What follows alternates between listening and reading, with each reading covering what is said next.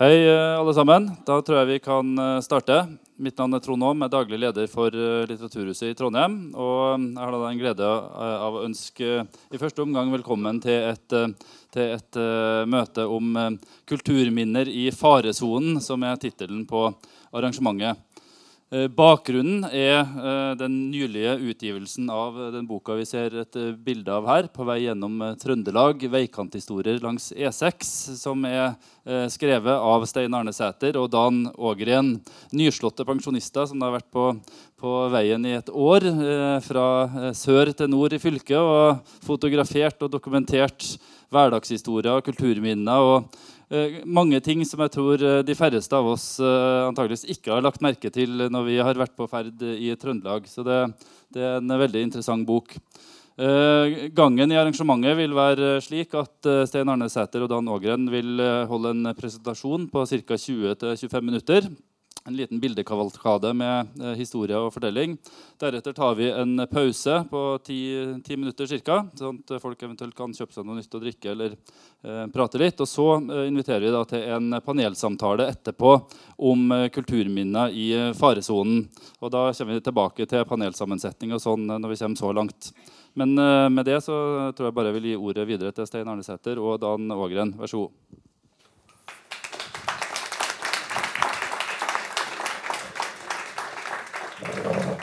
Takk for det. Eh, hvis det er noen som eh, syns de ser skjermen litt dårlig, så går det an å, å bevege seg litt bakom her. Sånn, eh, vi skal ikke holde på med bilder lenger enn eh, en knapp halvtime maks.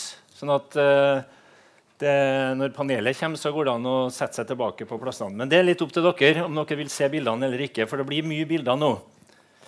Eh, veldig hyggelig å se så mye folk her. Eh, vi har jo farta rundt i, i, hele Trøndelag som det ble sagt, og brukt et år på å lage denne eh, boka. Da.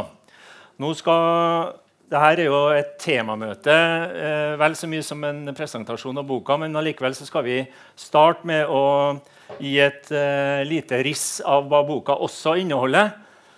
Også, og alt har jo egentlig kulturhistorisk eh, fokus. Men uh, etter den liksom, sveipet gjennom boka så skal vi mer gå inn på det som er tema, da, med kulturminner som uh, ikke er så påakta, kulturminner som uh, ofte går litt under radaren, kulturminner som ofte blir glemt. Det, det, er jo vårt hjertebarn, akkurat den vinklinga på kulturminner. Noen ganger blir vi litt sær og litt smal, så dere får bære over med det. Men eh, vi prøver å være litt sjølironisk på akkurat eh, den sida av saken. da. Eh, det er det eneste bildet jeg har tatt i boka. Vi starta på fylkesgrensa da det var, det var, i september i, i, fjor. da. Så vi måtte ha med oss denne steinen som viser at uh, vi er på grensa. Og Håkon den 7. monogram gir jo litt sånn god tidskoloritt. Og, og, der er den bilen som vi har brukt på hele turen. Det er en viktig partner. da. Og vi endte opp da, i, i sommer endte vi opp på nordlandsgrensa. denne fabelaktige Nordlandsporten, som det heter. Som er betydelig mer fabelaktig sett fra sør enn fra nord. merkelig nok. Eh, det burde jo være like stas å komme til Trøndelag. Eh, det er det tydeligvis ikke. Ok, eh, Så endte jeg opp med denne boka, utgitt på Museumsforlaget. Som eh, vi også må få lov til å si det blir mulig å kjøpe en ved, før dere går hjem her. Så skal vi være villige til å signere for den som måtte være interessert i det. Da skal vi ta et kjapt sveip. da. Jeg skal ikke bla i boka, men vi skal bla her ved hjelp av Dan. Her er vi på drivstua. En, et tema som vi har vært veldig opptatt av, det er de gamle, vei, eh, de gamle strekningene av vei som er igjen når man har bygd nye veier. Og forbausende mange strekninger av gammel rv. 50 og gammel E6 som også går an å, å kjøre på.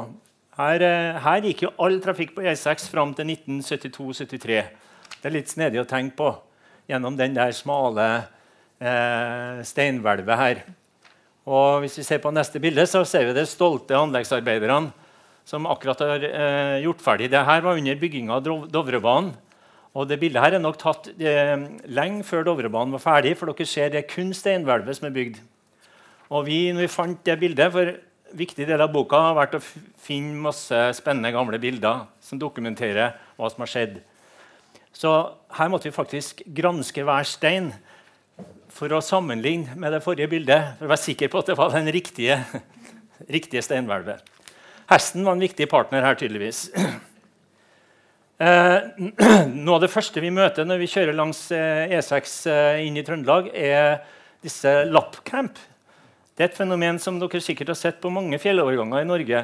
Og dere visste kanskje ikke at det er den samme familien som har alle de her lappcampene, nemlig Penta-familien sønner av Anders Penta, som var medvirkende. Her er den andre, her er Odd, og det forrige var Henrik. De selger suvenirer. Det starta mer som en sånn ordentlig samecamp da når disse var guttunger. Da var de en del av attraksjonen og kasta lasso for publikum. Årsaken til dette var jo samejakki. Jeg vet ikke hvor mange her som er gamle nok til å huske den en kjempesuksess dokumentarfilm som kom eh, på 50-tallet, som ble internasjonalt eh, berømt. Hele den historien får vi i boka, så skal vi ikke gå nærmere inn på her. Men det var en skikkelig business her, her med prospektkort og inngangsbilletter og alt mulig. Ja. Eh, når vi er så nærsynt på kulturminner, så kan vi overse ting. Og det, Vi kjørte forbi mange ganger i nærheten av Berkåk før vi skjønte at dette var en spennende historie for boka en nederlandsk eh, dame som har starta Skandinavias minste museum. Et kollasjmuseum, internasjonalt kollasjmuseum med anerkjente kunstnere fra Amerika som eh, stiller ut eh, to meter fra tungtrafikken. Så det ble et eh, artig møte og et bra supplement til vår nerdete fokus på sånne gamle steiner. og sånne. Så eh, av og til, Vi er jo sånn at vi observerer og tar litt på innfallsmetoden. Men av og til så gjør vi noe som vi kaller for historisk rekonstruksjon. På Buvatnet i, i Berkåk, også, også, det første og lenge det eneste vannet du har langs E6, eh, så var det en storstilt produksjon med Nicolai Dahl i Nicolai Dahls regi eh, i mellomkrigstida og ut på 50-tallet. Han ville ha is til Eh, og kunne sende eh, fisk med kvalitet eh, ned til Tyskland. Sånn at Det var kjempeproduksjon. Et eget sidespor for jernbanen. Et svært ishus som de lagra isen i. Og De fikk jo etter hvert sager, og sånn, men de starta med manuell saging. Og De av dere som har sett filmen 'Frost', åpningsscenen i filmen 'Frost' er akkurat sånn. Så vi var litt stolt av at vi ble bedre enn Disney i å rekonstruere for her ble skikkelig happening på Berkåk den vinterdagen. Og vi frakta dem bort med hest, sånn som de også gjør i, i Frost. ok, um, En annen rekonstruksjon det var å få den gamle ambulansen som Sanitetsforeninga i Soknedal eh, samla inn penger til på 50-tallet. Og fikk tak i en fin Mercedes ambulanse som nå er eid av Inga Lerheim, den kjente skadekirurgen. Han har en spesiell forkjærlighet for ambulanser, naturlig nok. Og vi fikk da Jenny Holtan, som var jordmor. Hun er 90 år nå, var jordmor i, eh, og sykepleier i Soknedal den gangen. Og var med i den ambulansen og kjørte fødende til eh, Trondheim. Kjør på, Dan. Det vakte stor interesse, og guttene skulle se på motoren da. Eh, det blir jo litt om bil. Eh, gamle biler er også kulturminner. Så her fikk vi en ny, nytt arrangert opplegg. Vi fikk samla en god del av alle de gamle boblene som fins i, i Melhus kommune. Kortesje på gamle rv. 50. Og eh, disse brødrene Finseth de driver egentlig og produserer gravsteiner, men de hadde en kjempestor garasje han, eh, han ene samler på Mercedeser, den andre samler på amerikanere. Pluss alt mulig annet som har med barndomstida deres å gjøre. Eh, aktiviteter og fritids... Eh, altså idrett kan kanskje ikke kalle sport, Skotthull idrett, jeg vet ikke, men det er i hvert fall et kulturminne, det òg. I ferd med å dø ut, trodde vi, inntil vi kom til Lundamo og fant en eh, fantastisk arena for Skotthull. Det arrangeres jo NM i Skotthyll, som trønderne som regel vinner. Stort sett bare trøndere som deltar òg, da. Og Så har vi kommet til Trondheim. Eh, Snakka om gamle bilder. Dette er det første bildet som noen gang er tatt av en trøndersk vei.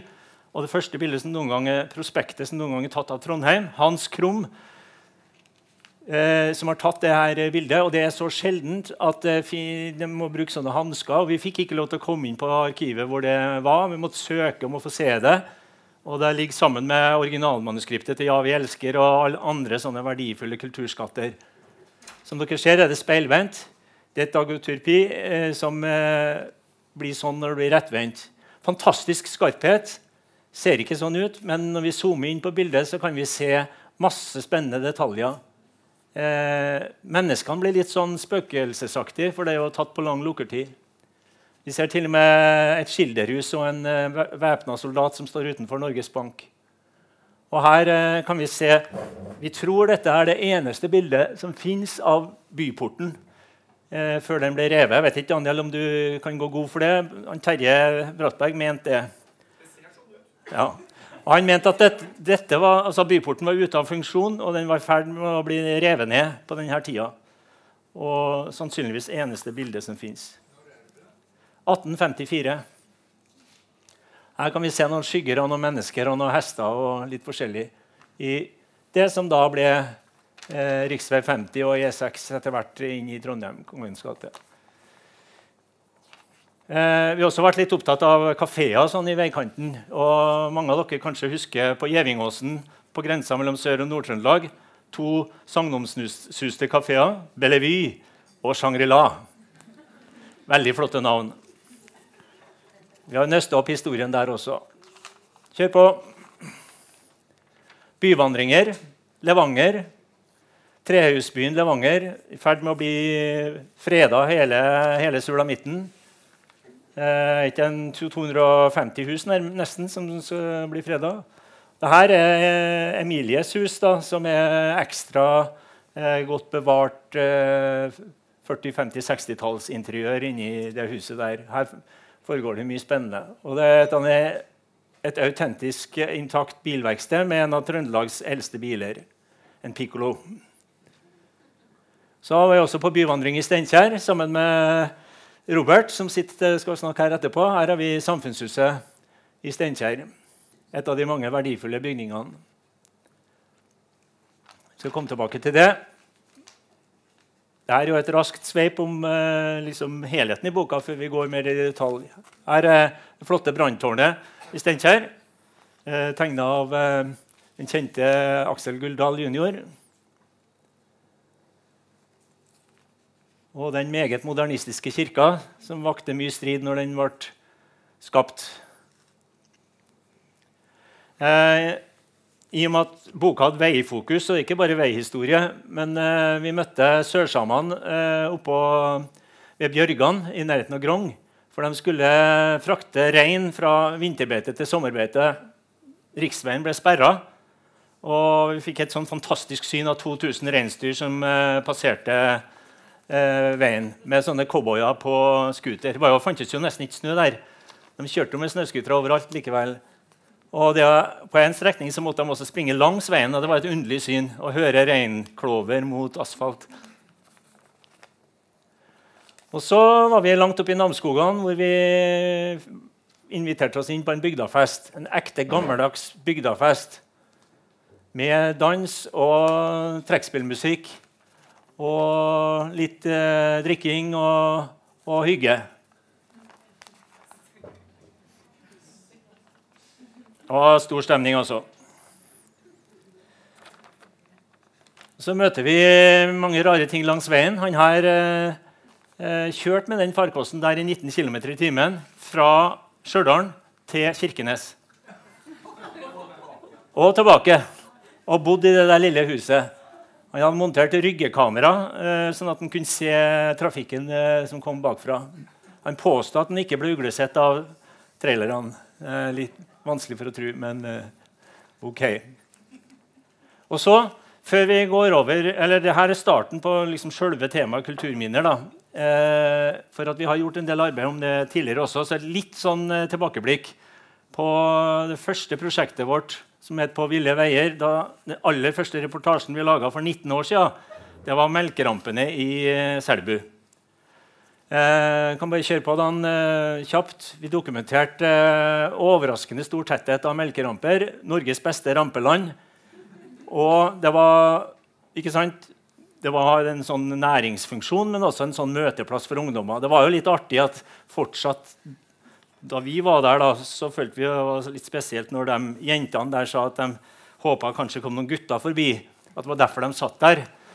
Så liksom dokumentert at det fortsatt var en møteplass. Men så skjedde jo det at uh, fylkeskonservatoren satte i gang uh, en arkitektstudent med å måle opp alle disse melkerampene etter at vi hadde skrevet om dem. Så her har vi en prat med hun.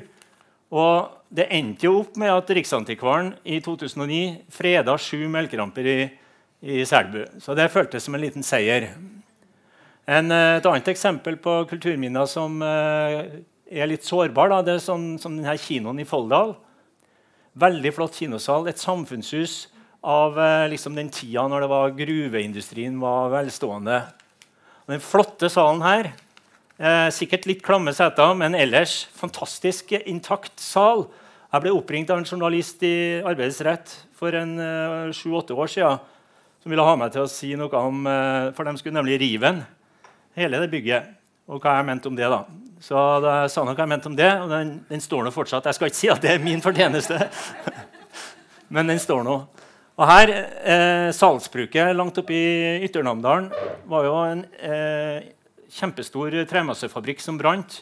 Og så står alle disse kranene igjen. Her kom det skip fra hele verden og, og henta eh, råstoff. Og de sto igjen, og han, eh, Trygve Ebbing skulle rive dem, sa han. Og da husker husker jeg hadde en samtale med han og prøvde å argumentere for at det her burde få lov til å stå. da. Så De står nå fortsatt, men da jeg ringte han før det møtet, her, så sa han at nå risikerer han at han må rive i hvert fall én av disse kranene. Det var risiko. Sikkerhet.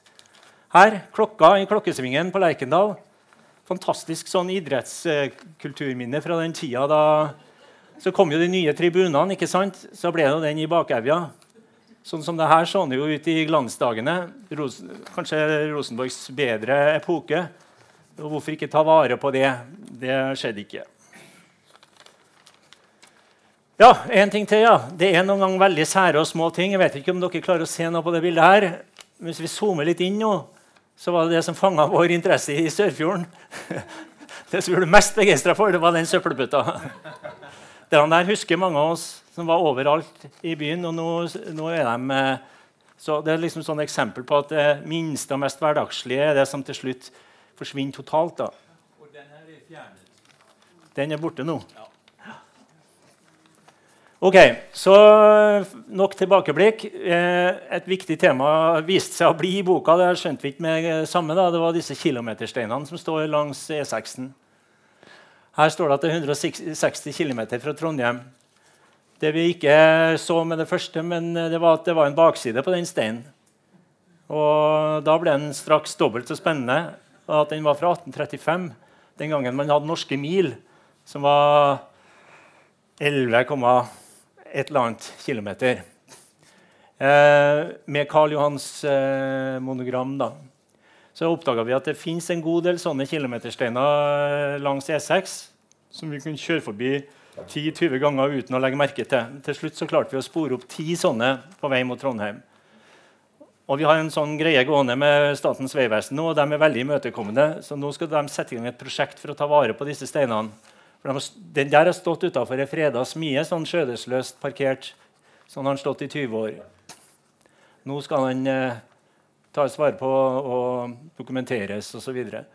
Her er på Støren også en veldig trist historie. Den er brekt og står bare lent inntil en telefonstolpe, og en vakker dag er den borte.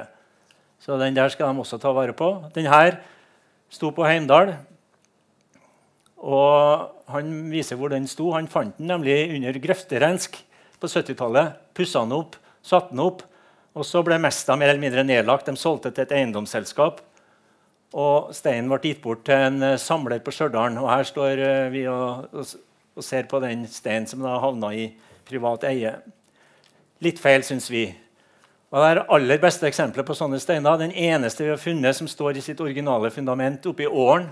Og den er et godt case for at uh, denne samleren uh, hadde um, tenkt å hadde fått tillatelse av kommunen til å bare ta med seg den steinen. Da var det han grunn, nærmeste grunneieren som uh, sa nei, det får du ikke lov til. Så den berga da, pga. tilfeldigheter. Uh, her er også et sånn eksempel på at det er ikke bare objektet, men uh, sammenhengen og historien som gjør det, til, som gjør det interessant.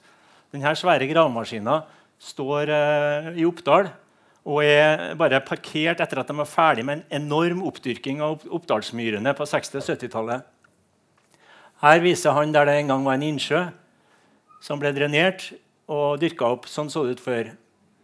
Så Det er et sånt uh, dokument av en annen tid, når dyrking av myr var et ubestridt gode og ikke klimauvennlig. Og de tappa ut ei hel våtmark.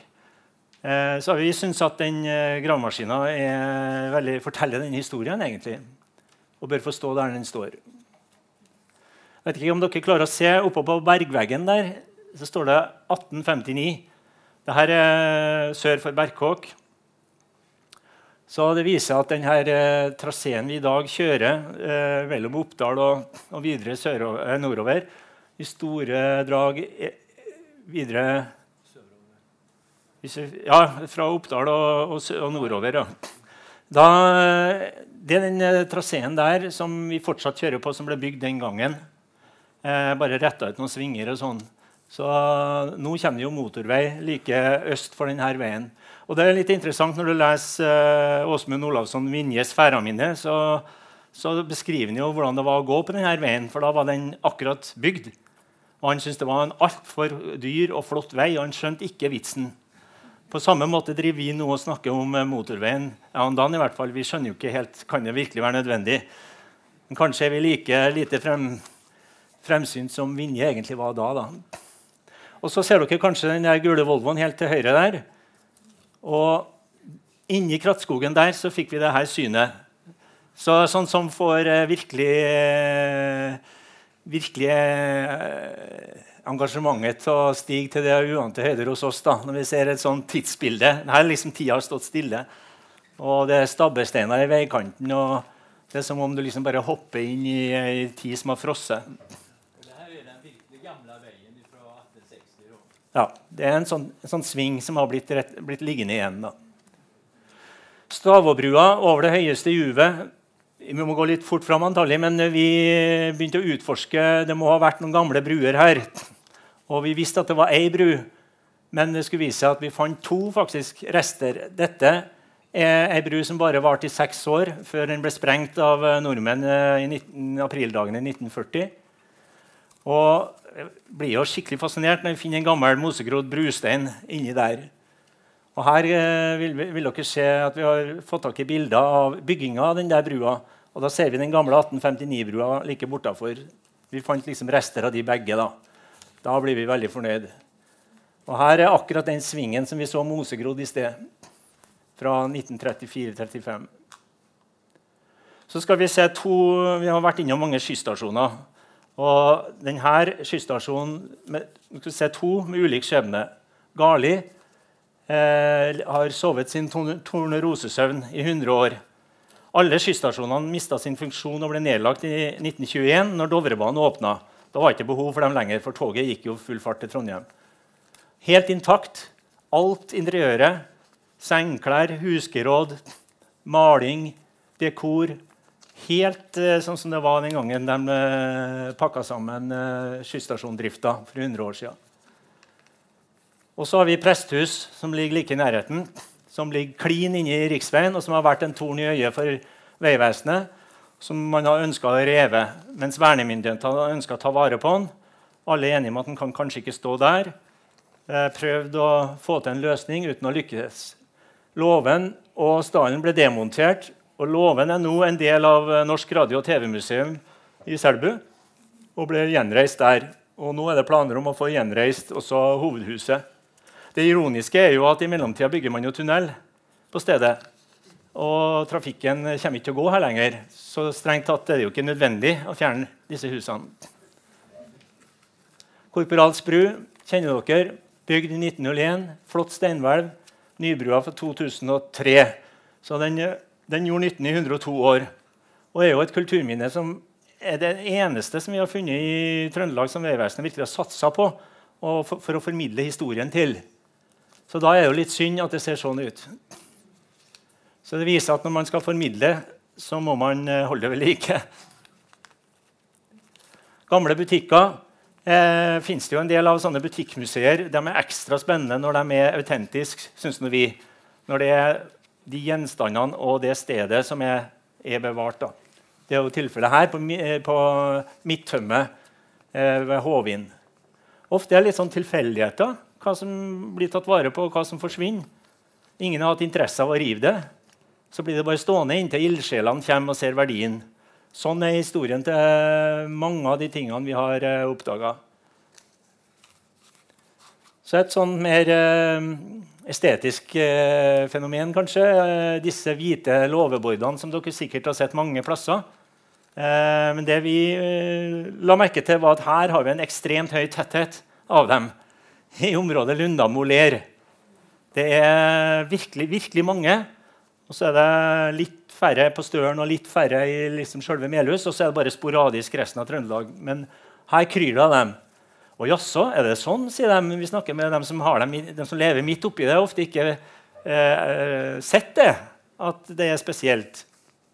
Ja, det skal jeg sannelig ta vare på. Jeg skal sannelig passe på å male dem. ja.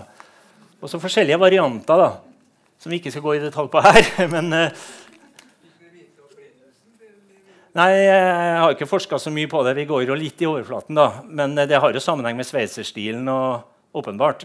Eh, og all den der eh, snekkergleden som var på bolighus også. Det kan kanskje Daniel supplere med etterpå. da vi kom inn i Trondheim, og eh, en annen av paneldeltakerne, Mette By, var med på befaring her.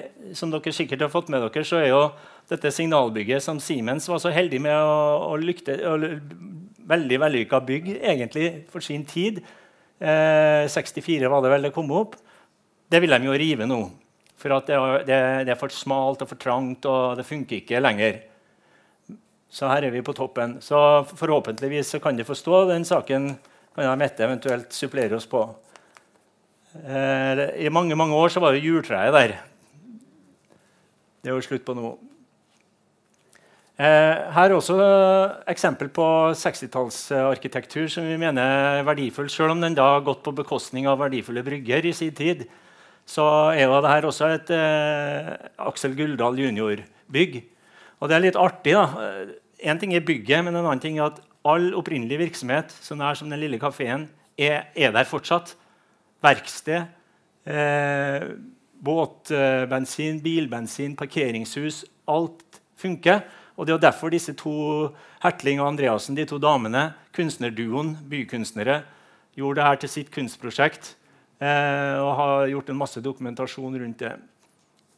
Det som fanga vår interesse mest av alt, var jo eh, underste, to kjellere under det huset på andre sida av gata, som var det første bilhuset. I, I, bunnen der så er det hulemalerier og Det må være en av Trondheims minst kjente turistattraksjoner. Eller kan, kanskje ikke kalle det turistattraksjon, men attraksjon. Det er en um, industrimesse i 1951 mens det bygget var under oppføring. Da hadde man en bodega her uh, hvor det var fest og liv og røre. Så var det antagelig en reklametegner som har fått i oppdrag å dekorere veggene. Og det er fullt av, og de står der 70 år etter like fin. Mens det bare blir brukt til parkering. da. Så er vi på vei ut av byen. Eh, også et rivningstrua eh, perle fra 1960. I 1959 og 1960, de to årene, så ble det bygd røftlig ti sånne hus med skalltak eller buetak i Trondheim. Som regel til transport eller eh, næringsvirksomhet. Nå vil jo Sirkel K rive det for at de skal bygge leiligheter. og det blir jo mye større inntjening. selvfølgelig. Her har vi et bilde like etter uh, åpninga. Fantastisk bygg. Og det er egentlig det fineste av alle buetakhusene i Trondheim. Særlig fordi det er en sånn skråstilt fasade her som gjør at disse buene blir for en helt spesiell funksjon. da.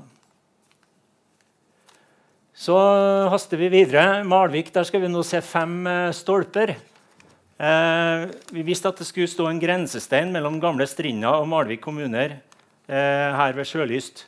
Og vi fant den ikke. Vi kjørte frem og tilbake mange ganger før vi fikk tips om at vi måtte løfte blikket. Av en merkelig grunn så har Vegvesenet montert den høyt oppe i bergveggen.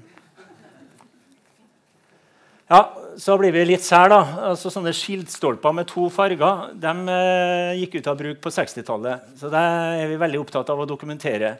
Når skiltstolpen i tillegg har ujevn tykkelse og ei kule på toppen, så blir den enda mer sjelden. Og det er bare sett to eller tre av i hele Trøndelag. Og de er da fra før krigen. Så vet dere det. Her kunne jeg vært på en highway i, i USA. Det er på Vikhammer. Veldig flott. Og den der er veldig spesiell. Det er altså et skilt som står rett ved gamle E6, eh, også på Vikhammer. Men eh, den har ikke noe med vei å gjøre, den har med båt å gjøre. Du kan se at Det er et likens lenger ned ved sjøen, helt nede på Vikhammerløkka. Så det var uh, to par.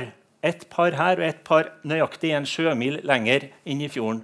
Sånn at når skipsverftene skulle teste båtene, så hadde de en nøyaktig sjømil og kunne sette i gang stoppeklokka når de passerte så sånn over ett-merker.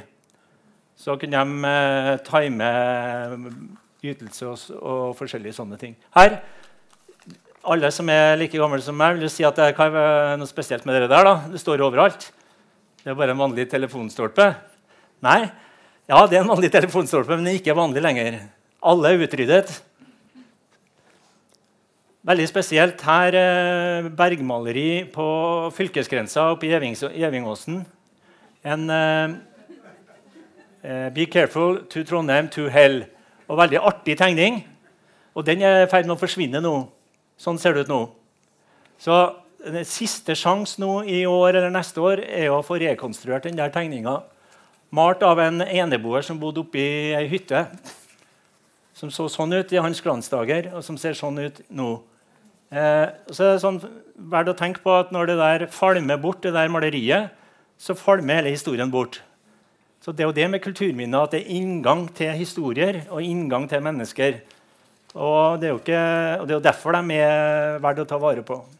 Her eh, en sånn klassisk eh, næringsvirksomhet. Frisøren bodde i andre etasjen, hadde butikken her.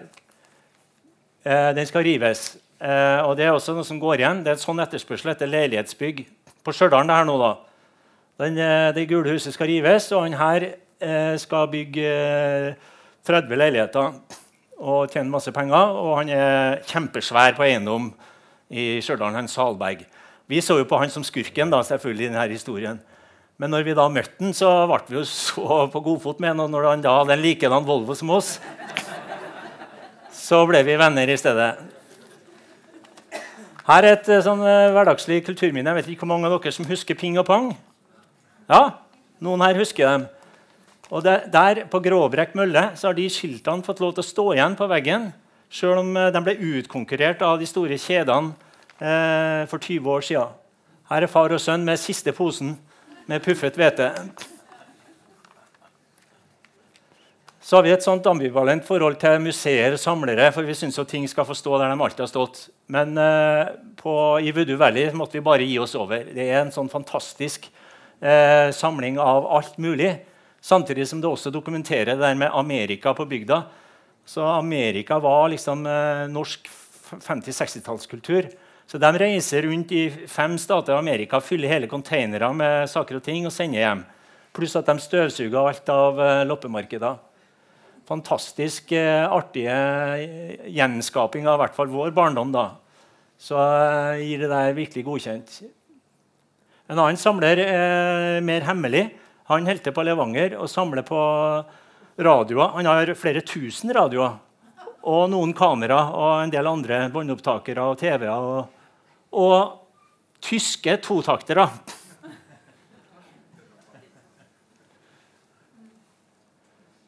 Eh, eksempel på sånn hverdagsarkitektur. Da, en kiosk. Eh, og legg merke til Papirkurva fra Sørfjorden. eh, han her eh, overtok, kjøpte den eiendommen og reiv det ruklet med en gang. Og Nå angrer han som en hund på at han gjorde det. og var veldig sånn lei seg. eneste han hadde igjen, var grunnmuren og så den vimpelen. Her er en interessant sak. Skal vi bare ta vare på det som er vakkert, Eller skal vi også ta vare på noe som dokumenterer en spesiell epoke?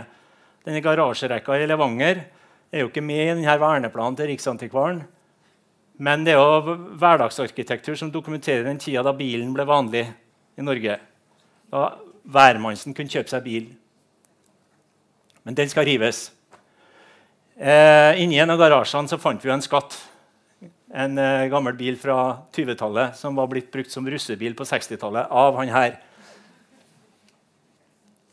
Så er vi tilbake på Steinkjer. og Her er liksom eh, det pulserende livet på nordsida. Den gangen eh, da det virkelig var et pulserende liv der. Nå er det litt stillere på nordsida. Men eh, det samme bygget står der. også Aksel Guldal. Og i dag er det jo en veldig populær pub i, i første etasjen. Og det begynner å skje nye ting på nordsida. Begynner å nærme oss slutten her nå. når du kjører forbi Snåsavatnet og nordover, så vil du aldri se denne lille gamle Steinhvelbrua. For den er, hvis du ikke vet om den, så ser du den ikke. Fascinerende, eh, flott eh, byggverk. Kanskje en av de aller siste steinhvelbruer som er bygd i Trøndelag. i hvert fall. Krigsarbeid. Og Dan var jo nede i elva og tok bilder og gjorde sitt eget lille oppsiktsvekkende funn. Sånt skilt har vi aldri sett. 70 år neste år. Ja, du kan bruke det til å feire 70-årsdagen. Og vi fant jo da selvfølgelig også brukarene til forrige generasjon bru. Sånn holder vi på. Skal vi avslutte denne innledninga med en uh, tra tragedie? Vi starta med en solskinnshistorie med disse melkerampene som ble freda av Riksantikvaren i Selbu. Nå er vi på Harran, eh, og her krysser rv. 50 Namsen. Og Fram til 1932 var man avhengig av en sånn liten pram som ferje for å komme seg over. Så ble Nesbrua bygd. Den var en flott eh, fagverksbru med, med, to buer. Den, eh, men den var, jo, gikk ut av, eh, den var ikke så veldig egnet til E6 så fram til 2012, vel, før den nye brua kom. Så det gikk bare én bil av gangen. Så man måtte faktisk spenne på rødt lys hvis det kom en bil imot. Så kom den nye brua. Kjempebra. Men hva skjedde med den gamle?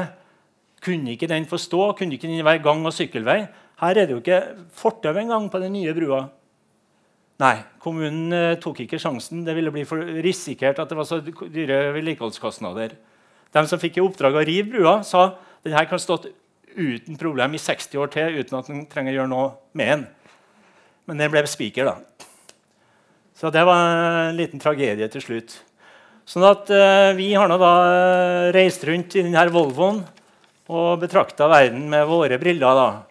Og vi er jo egentlig bare en sånn askeladder som får raske med oss litt histopist. Og mer sånn journalistisk innfallsvinkel. Vi prøver å dokumentere, vi prøver å, å formidle noe. da.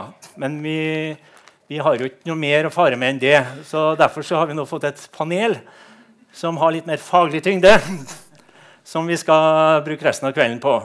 Men da er det vel en liten pause først på fem til ti minutter. Og så sier vi foreløpig takk.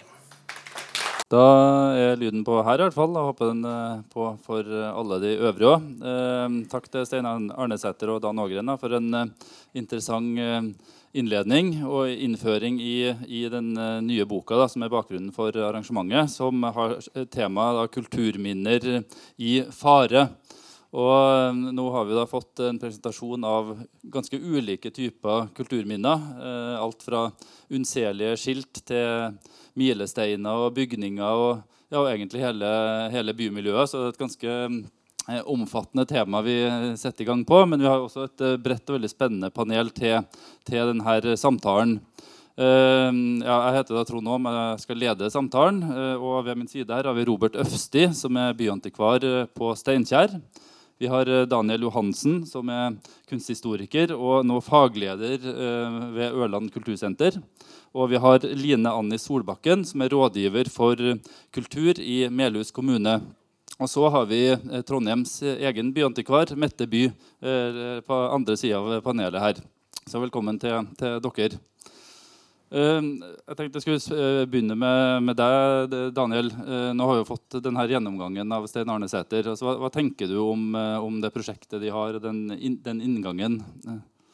Jo, jeg elsker det. Fordi at de er så dyktige på å ha de her brillene for de små, unnselige, sårbare detaljene som, som, er så lett å fjerne, men som egentlig inneholder veldig store fortellinger.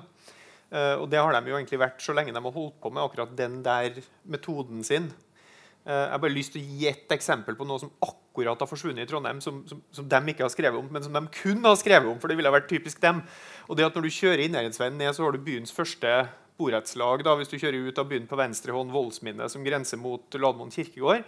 Og Da de bygde opp de der borettslagene på 1930-tallet, så fikk hver av kompleksene sitt lille næringsbygg i én etasje. Og over en av dem sto det inntil for jeg tror det må ha vært, det må ha forsvunnet i år eller kanskje i fjor, så sto det med kjempestore bokstaver som dekket hele det der lille bygget 'kolonial'. Hva betyr egentlig kolonial? altså, jeg har funnet én en eneste butikk i hele Trøndelag som fortsatt har det som kassabetegnelse. Det er Sandans uh, dagligvare i Hasselvika. Hvor du kjøper banan der, så står det 'kolonial' på kassalappen. Hva betyr det egentlig? Så Varer fra koloniene. ikke sant? Et sånn typisk eksempel på en sånn liten ting som man egentlig ikke tenker så veldig mye over, og så forsvinner og så inneholder egentlig en kjempefortelling. De, de der, den innfallsvinkelen den er jeg fryktelig glad for. Eh, det de har hatt et fokus på lenge, som jeg også setter veldig pris på, det er jo igjen da en, sånn, en ting vi overser veldig lett. og det er den, den kjemperevolusjonen som skjedde i tidsrommet 1920-60, da vi for første gang i vår historie flytta kommunikasjon over fra sjøen og over til land.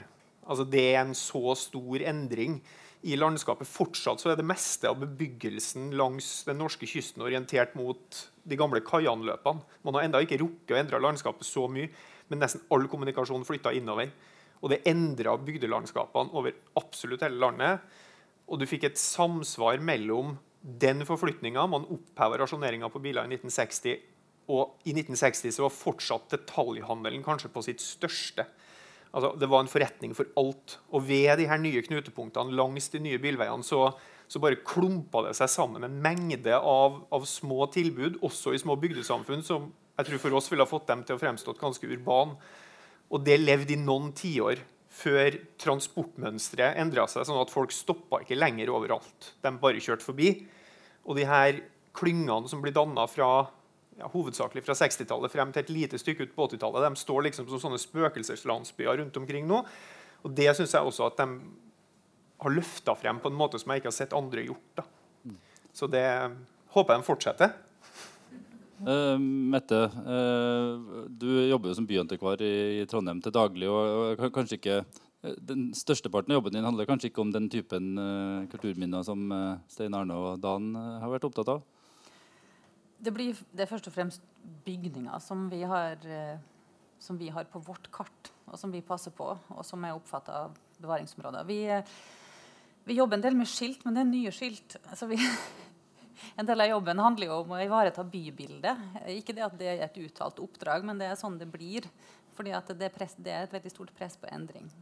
Og det er en forventning om at ting skal se skal være gjenkjennelige. Um, men um, innenfor bevaringsområdene så, så, så finnes det jo mange flere ting enn en bygninger. Um, så vi jobber også med det gjerder og belegning og, og, og, en av de detaljene som, som, vi kanskje jobber med, da, som ikke er de løse objektene som du finner langs veiene eller ute i landskapet, men det er detaljene på bygningene, som også er veldig sårbare. Eh, og som det kanskje også er bare vi som ser. Altså Man må ha et spesielt blikk for å, for å for å oppdage detaljrikdommen på de gamle bygningene i byen. Og det, det, det som, som, skjer når man på en måte slipper løs oppussingskreftene, det er jo alltid en eller annen form for forflatning. Og så mister vi jo, selv om bygget ser likedan ut, så, så, så, mister vi jo substansen og det historiske osv. Så, videre.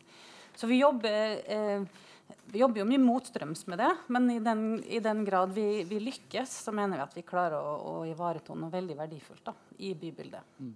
Men hva med den typen sånn skilt uh, som vi så flere eksempler på her? Altså, er, det, altså, er, vi flinke nok til å ta vare på, på sånne ting? Det er mye som, går, uh, som forsvinner uten at vi på en måte får, får vite om det. Så, sånn som det på voldsmynde. Det er jo en hensynssone, og det er verneklassifisert. Men uh, det var ingen som spurte før de gjorde det. ikke sant?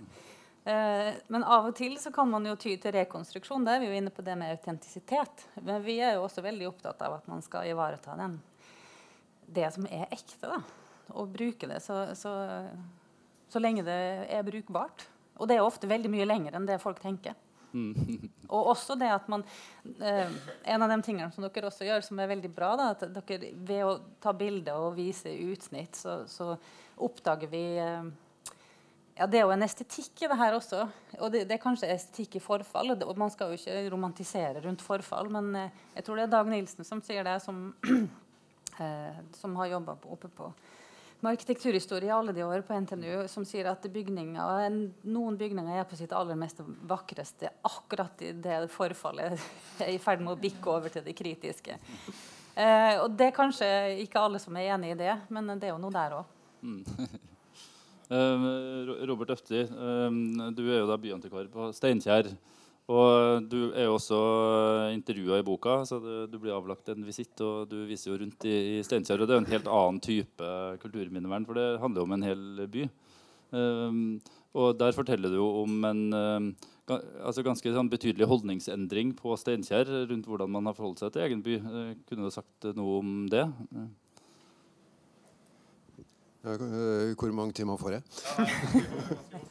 ganske, eh, hvis skal si det, det er fryktelig vanskelig å si det ganske kort, da, men eh, det er helt åpenbart at da byen, altså Steinkjer ble jo bomba fullstendig i 1940. Over 80% av byen forsvant og ble bygd opp igjen veldig fort mellom 19, egentlig bitte litt under krigen Eh, ganske mye boligreising faktisk under krigen, men det ligger litt utafor byen. Og så kom jo byen opp i full fart, altså fra 1945 til 1955. Da var det meste gjort. Eh, sånn at den har fått et veldig enhetlig preg, og den har en veldig tydelig byplan. Professor Sverre Pedersen og brente steders regulering og hele den historia der, hvor Kongens gate er gamle rv. 50, E6, for å holde oss til det som var introduksjonen her, eh, var hovedaksen, og hvor brannstasjonstårnet er et sånt barokt eh, fondmotiv i nord. Og det som Sverre Pedersen beskriver som et vakkert formet byfjell, hvorfra man dertil har en utmerket utsikt over Einen. Ofnåsen som fondmotiv i sør, innramma av de her to tvillingbyggene som, eh, som vi så et bilde av.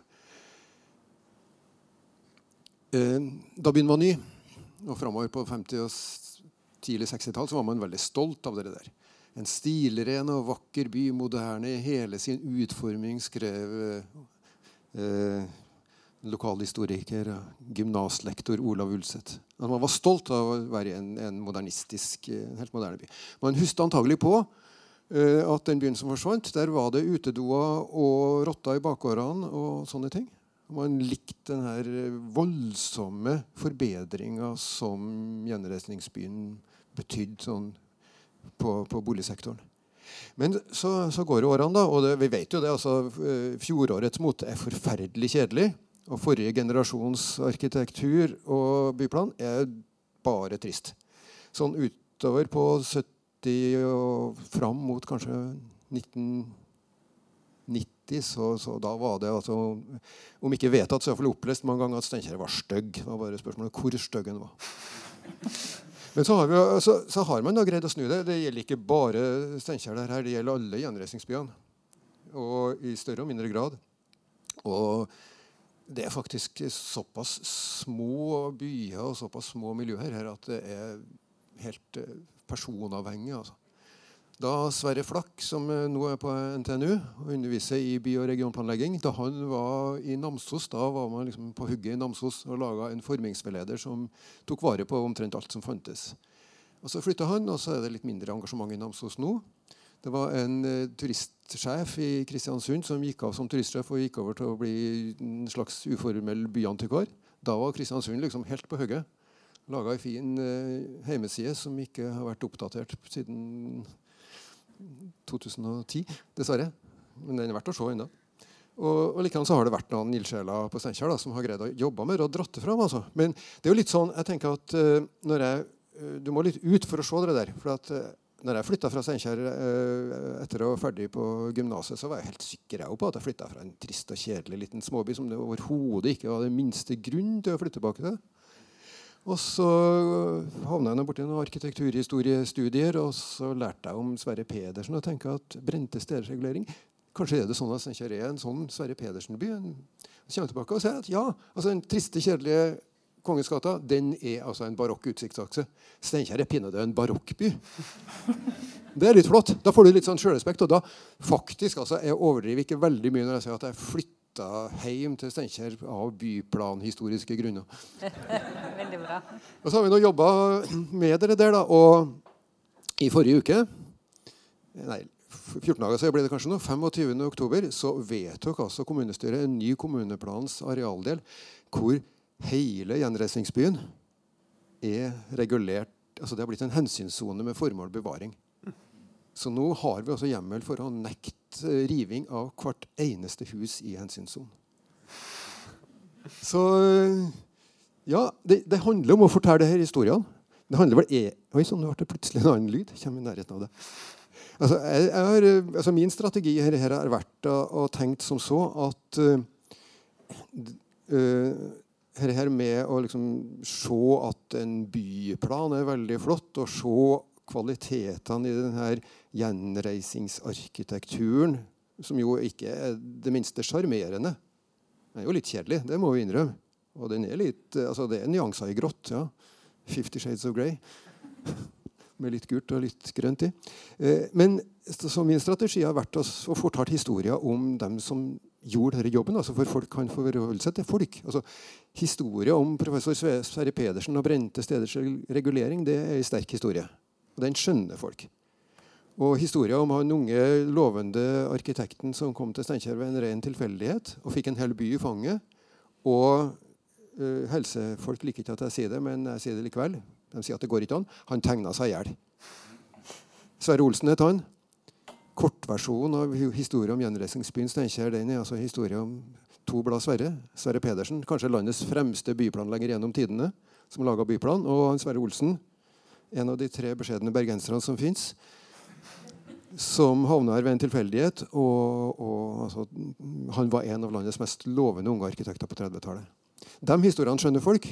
Og når du forteller dem, så får de også øynene opp for de kvalitetene i, i, i, i arkitekturen og i byplanen.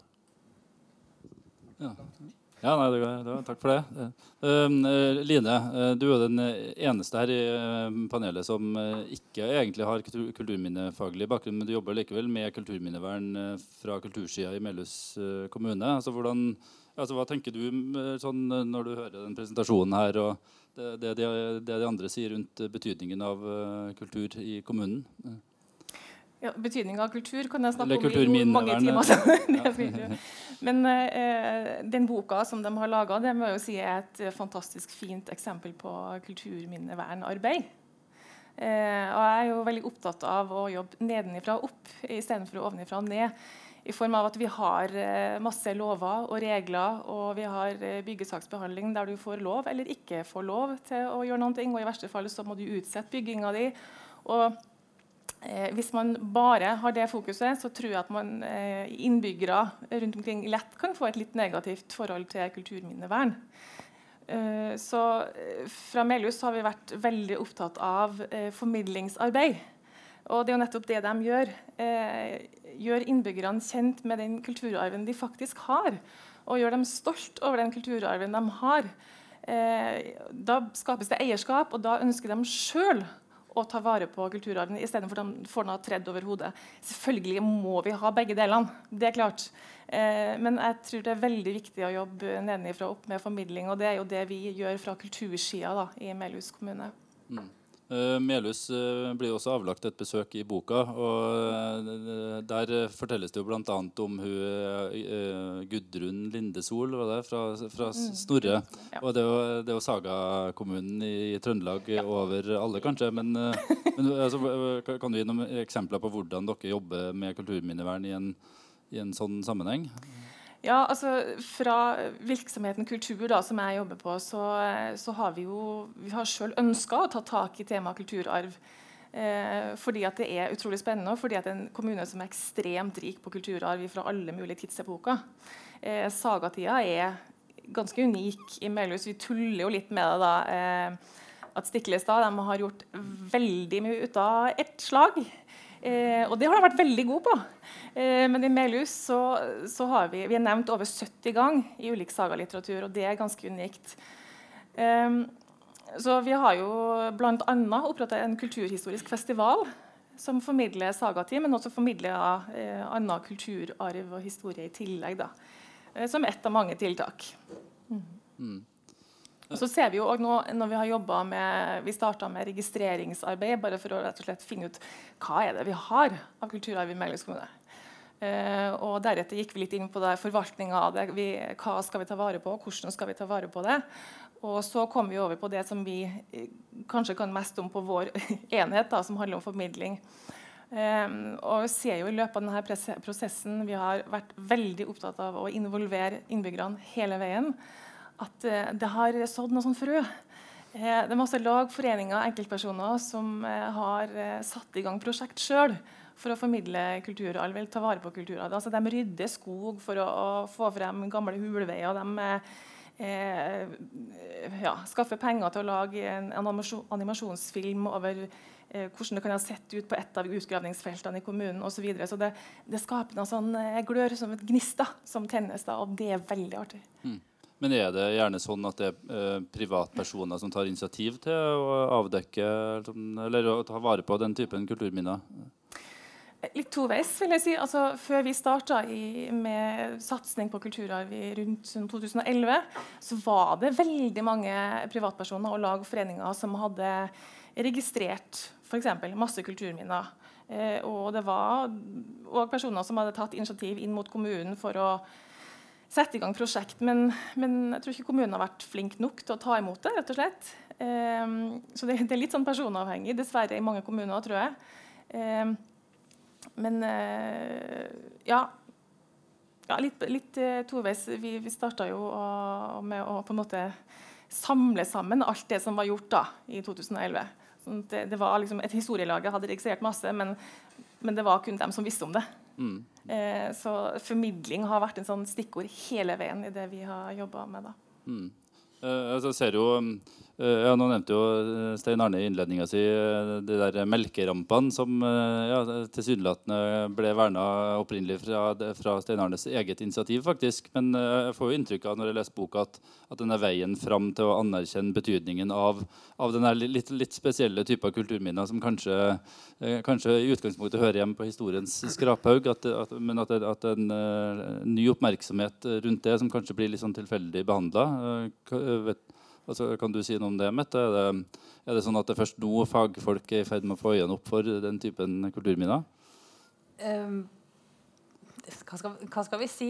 Uh, bygningsfredningsloven var jo rent fokusert på, på, på, på, bygninger. Men allerede i forarbeidene til den loven så snakka man om landskap for eksempel, som noe, og, og bybilde som noe som man også burde hatt en lov for. Men så det var på en måte Det, det, var, det var, datidens begrensninger som, som, eh, som, egentlig ja, som satte de rammene. Og så har det vært noe som, som har forplanta seg fremover. Eh, Melkerampene ble freda i 2009. Da, da hadde Riksantikvaren en satsing på hverdagens kulturminner. Men det er klart at det var jo på en måte det var, det var kanskje symboleffekten av å løfte opp noe sånn gjenkjennelig og hverdagslig som melkerampa opp på liksom det høyeste fredningsnivået. Da. Juridisk vern for evig og alltid. Fredning gjennom kulturminneloven. Eh, og det var jo et ganske sånn artig, morsomt det, det, handler kanskje mer om status enn, og anerkjennelse enn at man ikke har visst om det her fra, fra før. Det var kanskje viktig. Man freda man freda et busskur i Sør-Varanger, som er en sånn kjempesvær gravemaskin, grabb, som er satt opp ned og vært brukt som busskur etter gruvevirksomheten der. Så de, den står der og er freda på samme nivå som eh, ja, Slottet eller en sånn storgård i Gudbrandsdalen. Eh, og også, her, jeg, nevner det her, for det har, det har, et eller annet med å anerkjenne at ting altså vi, jobber med, ikke bare, vi jobber med arkitektur, men at ting kan ha så veldig mange lag av, av betydning. Et pissoar i, i uh, Sofienbergparken i Oslo. Som, ble, som er tegna på 30-tallet av bjør, daværende byarkitekt Harald Aas. En nydelig liten sånn funkissak. Den er helt sirkulær, sylindrisk, med helt sånn flatt tak. Så den er veldig sånn funksjonalistisk. Eh, den, den, blir kalt for Kjærlighetskarusellen. Og den var eh, møtested for, for, homofile i en periode da homofili faktisk var forbudt i Norge. Så da har du ganske mange lag av betydning i en veldig liten, enkel bygning. Den kan leses på mange måter, men det er selvfølgelig altså ut ifra sånn menneskerettighetsperspektiv kjempeviktig kulturminne og fysisk kulturminne. Og alle som vet det, blir jo minnet på det her de, hver gang man går forbi. Så, så ja. Det er vi, vi, vi, Det som vi jobber med, bybilde og estetikk vi, vi, har jo liksom ikke tid til å gå inn alle historiene. Så det som Linni sier nå, kjempeviktig å ha med seg begge deler. Og huske at man må formidle. Uh, Line først.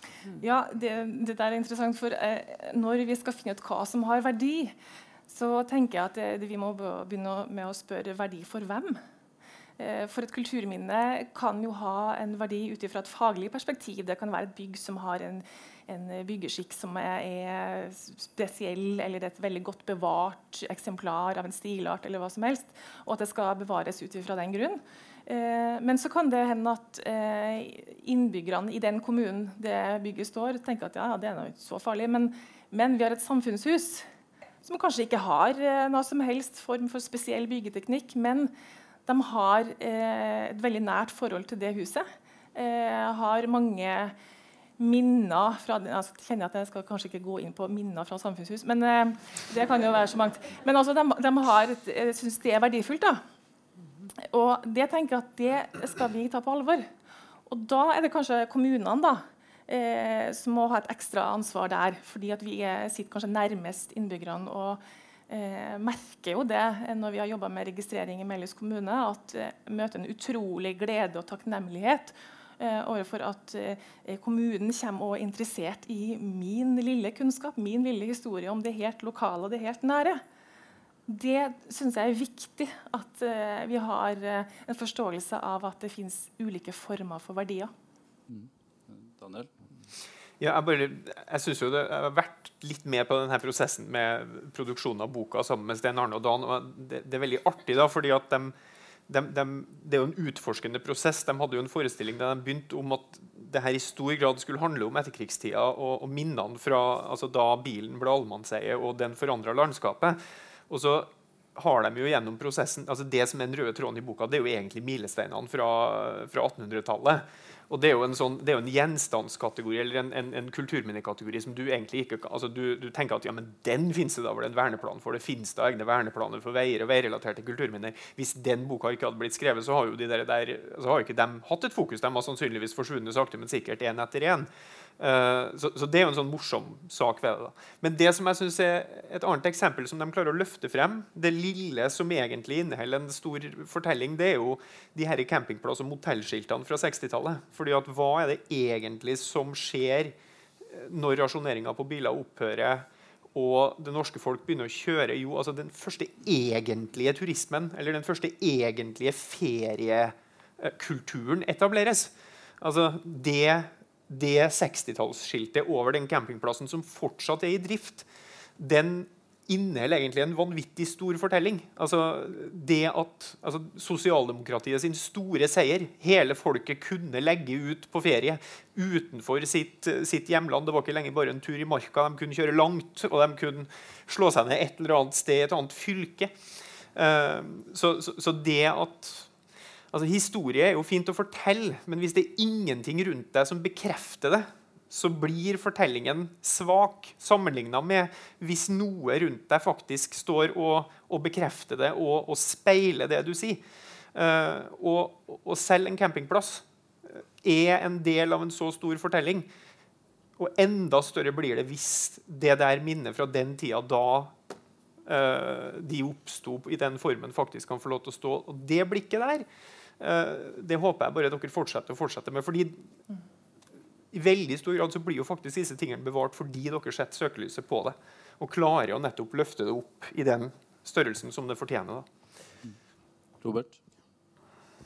Ja, til, til, det siste. Det, det er jo et sånn, nærmest et sånn metodisk poeng at dere har konsentrert dere om, om vei og veihistorie, og ikke egentlig leta sånn tilfeldig, men leta systematisk etter alt det som har med vei å gjøre. Og da, da finner man jo mye mer? Er det på nesten en slags sånn type industriarkeologi dere driver på med? Som er sånn, jeg vet ikke om det finnes så veldig mange norske industriarkeologer, men det finnes jo rundt omkring ellers i verden. Men dere er jo egentlig det. Men jeg tenkte jeg skulle si litt om at eh, altså For det første så Du introduserte meg som byantikvar. Vi vet jo at eh, Stenter, som det heter, Stenter det er en stor kommune med et lite tettsted, så, så min offisielle tittel er kommuneantikvar. Denne sånn. Uh, og nå har vi jo fått ansvaret for Verran òg. Altså Malm. Malm og Follafoss, to industriplasser hvor uh, Follafoss er jo fortsatt uh, tre, treforedlingsindustri, men Malm er jo dødt. Jeg var der for et par dager siden og var med på en tur. Og det er litt mer sånn tradisjonelt kulturminne, men denne eh, messa, altså som egentlig var bygd som eh, direktørbolig Så flytta direktøren til en annet sted, og så ble det messe. Jeg hadde med en lokal kjentmann som vet alt om det der. Kolbjørn Almli. Han kan alt om Malm og hele greia der. Men så ser jeg på det huset med mine øyne og så sier jeg at yes, det er jo typisk svensk. Fordi det har sånn typisk svensk eh, lokkpanel, altså breie underbord og så smale påbord. Og så sier han det har jeg aldri visst. Men eh, det var jo lett å skjønne, fordi at eh, det var jo svensk Det var svensk eid i starten. Og dere tenker at Hvis vi ikke tar vare på liksom, de fysiske minnene, så vil den historien bli som, som, du sier, Daniel, den vil bli svak, og den vil bli borte. Altså, ingen vil huske på at, eh, at selv om gruvehistoria er veldig sterkt til stede i Malm, fordi det er et gruvesamfunn som ble bygd opp og, på rundt det, så, så, vil akkurat de her detaljene i det altså Fortellinga vil bli tynnere og svakere, og viktige deler vil forsvinne. Så det handler vel litt om hvorfor tar vi vare på de her bygningene. Hvorfor tar, alt ifra eh, melkerampene til staselige arkitekturmonumentene, altså som dere der i sin skala og på sitt sted faktisk da er. Uh, nå ville tilfeldighetene det til at jeg for uh, det var et års tid siden så var jeg en tur i Roma og hadde akkurat vært nede i en kjeller hvor man hadde gravd fram et sånn, flere tusen år gammelt hus. En fantastisk utstilling. Og så kom jeg ut av det huset og, og gikk inn på nett og på adressa.no. Det var liksom den øverste saken at Byantikvaren i Trondheim ville ta vare på et, det siste pissoaret fra, fra 60-tallet. Og Da måtte jeg nesten bare le litt. Men, men er det ikke også en sånn slagside i det her? Ved at man liksom tar vare på på alt mulig rart fra den nære forhistorien. Ja, den nyeste freda bygningen i Norge er vel Operaen. Den ble freda i det øyeblikket den sto ferdig. Um, så, eh, og det er jo noen som sier at ting trenger litt tid for å modnes. Altså det, det, styggeste vi vet, er det som forrige generasjon var opptatt av. Det gjelder jo klær og, og, og alt mulig, og, og, arkitektur og alt mulig. Så vi, vi gruer oss liksom til vi skal gå en gang med 80- og 90-tallet. Mm. Men uh, um, altså, vi må, vi må jo Tidsdybde er jo en sak. Vi må jo anerkjenne alle, at alle perioder har relevante kulturminner, og så må vi velge. Men hvis du tar deg en runde både rundt i, altså i Trondheim, da, rundt Midtbyen i dag, eller, og, og, på en måte sirkle den inn, eller kjøre, kjøre, litt rundt, så skjønner du jo at med det tempoet som den byen her bygges ut nå, så er prosentandelen eh, gammelt i forhold til nytt. Altså det, det, forrykkes kraftig, og det forrykkes veldig raskt. Så vi har faktisk ikke råd til å vente. Vi er nødt til å gå i gang og se på, på våre nærmeste tiår. Eh, jeg, kan liksom ikke overlate til neste generasjon å se på mine kulturminner. Min by, Molde, for eksempel, som også brente steders regulering. Eller 70-tallet, som vi jobber jo med et litt sånn uformelt prosjekt hos Byantikvaren nå, som vi kaller Modernismeprosjektet, der vi skriver om, om modernismearkitektur for å på en måte få dokumentert. Og da går vi ganske langt frem i tid. Mm. Daniel? Mm. I stor grad så handler det jo om å prøve å ta vare på noe så bitte, bitte, bitte små promiller av noe som en gang i tida var allment. Altså det er litt sånn som de der søppelkoppene som Sten Arne og Dan har fotografert i Sørfjorden. Uh, man blir jo av en eller annen grunn oppmerksom på dem i det øyeblikket det henger en eller to igjen. Og det var en gang 10 000. Uh, så, så, jeg er ikke så bekymra for akkurat det at vi, vi, tar vare på så mye i så måte, fordi at det aller, aller meste forsvinner uansett. I en forrykende fart, og det går fortere og fortere. og fortere.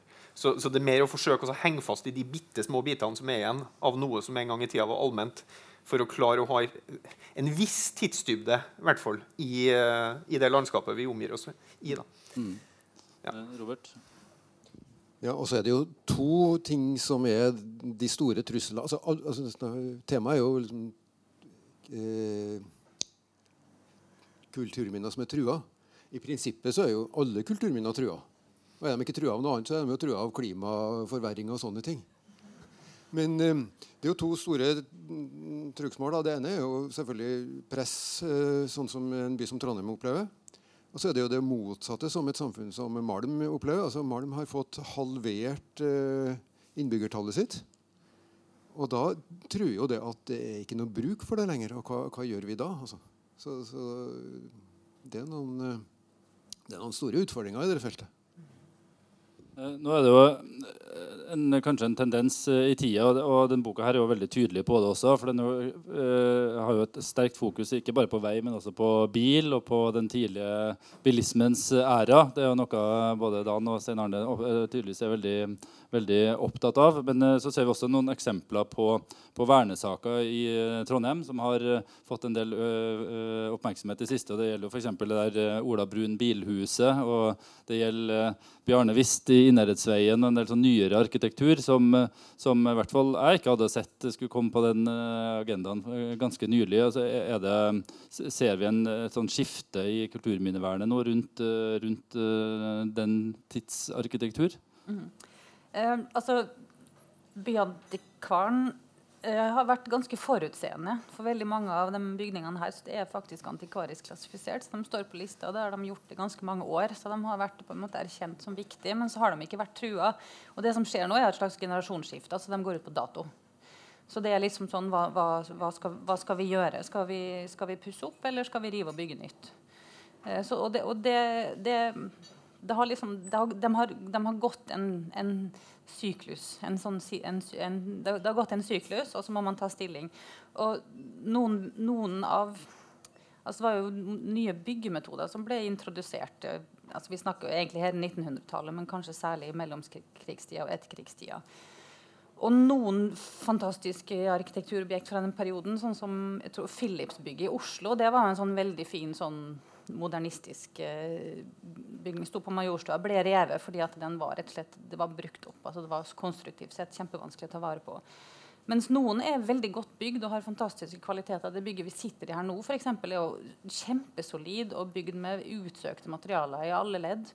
Eh, så, så, det har på en måte krav på bevaring gjennom en kvalitet da, som ikke bare er estetisk. Men det er rett og slett denne livssyklusen som gjør at nå er det veldig mange bygg som samtidig har, har, kommet til et sånt kritisk punkt. da. Det vipper hit, eller det vipper dit. Mm. Og Da blir jo argumenter viktige. Og så må man diskutere bruksverdi, og så må man diskutere tekniske løsninger. Altså hva er, hva, hva er, mulig? Hva kan vi få til? Får vi til vern gjennom bruk? Dette er viktig og ikonisk eh, bygg i bybildet og betyr mye for, for, flere enn man skulle tro, viser det seg. Eh, etter Siemens-saken i avisa så fikk jo både e-poster og telefoner fra mange. Noen var opptatt av juletrærne, andre hadde jobba i det Siemens-bygget i alle år og syntes det var en utmerket bygning som overhodet ikke var modent for riving osv. osv. Mm. Så eh, ja. Uh, Line? Mm. Ja, Noen av motargumentene eh, som vi opplever mot å ta vare på enkelte kulturminner, er jo at de rett og slett ikke er pene nok. De er stygge. Og det, tenker jeg, det er jo litt sånn symptomatisk for hele samfunnet vårt at vi forherliger det vakre, det pene. Eh, men hva er pent? Eh, vi forherliger det, de pene menneskene, men hva er et pent menneske? Eh, altså, for meg så, så, kan et ansikt som har masse rynker og skrukker, eh, fortelle en historie som er kjempeinteressant. Og jeg tenker Det samme gjelder et kulturminne. Eh, og hvis vi skal vokte oss for å, for å bare ta vare på det som, som passer inn i sånn standarder og rammer Vi er nødt til å utsette oss sjøl for mangfold. Eh, og for det som kanskje ikke eh, regnes som pent. fordi det forteller, det er med på å på komplettere historien vår. Um, og, ja, altså hvis, du, hvis, du, er på Facebook sant, og trykker 'liker' på ting, så, så er algoritmene sånn at da får du eh, fora med bare det du sjøl liker. Så vi har jo et, hele samfunnet er jo gjennomsyra av at vi på en måte eh, ja, vi, vi, på en måte mer og mer spisser spissa på det vi, det vi liker. Altså vi, vi, må, vi er nødt til å ha mangfold òg eh, innenfor kulturminneverdenen. Mm. Jeg skal gi ordet videre til Daniel, men jeg vil bare gjøre oppmerksom på at uh, det er åpent for å stille spørsmål fra salen også. Uh, så hvis det er noen som har noe å si, så bare å melde seg, skal jeg notere det. Uh, ja, nei, jeg har. Ja. Jeg, jeg syns ikke man trenger å gjøre verden så vanskelig at man skal begynne å snakke om hva er det, altså finnes det egentlig noe som er pent, og ikke fordi at det går an å snakke om at noe er planlagt for at man skal se det, og så er det sånn at andre ting har kvaliteter fordi det er innholdsmessig. Mm. Selv om det ikke er planlagt for at man skal nyte måten det ser ut på, så er det innholdsmessig så viktig at vi bør ta vare på det. Uh, så, så, altså, du kan, du kan f.eks. se på en sånn argumentasjon omkring krigsminner, altså tyske bunkeranlegg osv. No, mange syns de er kule, og kanskje noen syns til og med de er pene, men altså, de er ikke planlagt ut ifra noen formmessige eller estetiske hensyn. Men de er viktige innholdsmessig for å minne oss om noe som har vært. Uh, og Det samme kan du si om, om veldig mye av, av, det som ble bygd opp av infrastruktur uh, eh, knytta til denne omlegginga i, i, måten vi bevegde oss på fra 60-tallet og utover. Uh, det, det, er viktig for å, en, for å, ha en slags forståelse av hvordan et samfunn har fungert fra, fra tiår til tiår. Uh, fordi det, det, forandringene skjer så rasende fort nå. Det som jeg synes kanskje er noe av det morsomste i prosessen med den boka, det var jo at, at det endte opp med å bli en slags sånn et rekviem over en, en transportåre som viste seg å være forferdelig mye eldre enn en, det, det, noe kanskje dere har oppdaga. Altså at når man nå skal flytte E6 fra den gamle traseen og til helt nye motorveitraseer, så viser det seg at man egentlig flytter transportåra bort fra noe som til dels er kongeveier anlagt på 1800-tallet, til dels enda eldre eh, veifar som kan ha røtter helt tilbake til middelalder. Uh, og at dere egentlig laga en, sånn, en, en sånn helhetlig siste sånn uh, nekrolog på et vis over uh, en av de eldste færarutene som går gjennom det sentrale norske landskapet. så jeg synes egentlig at Selv om det ikke ble et, et så klart fokus på 60-tallet, som dere egentlig snakka om til starten, så ble det et enda bedre produkt.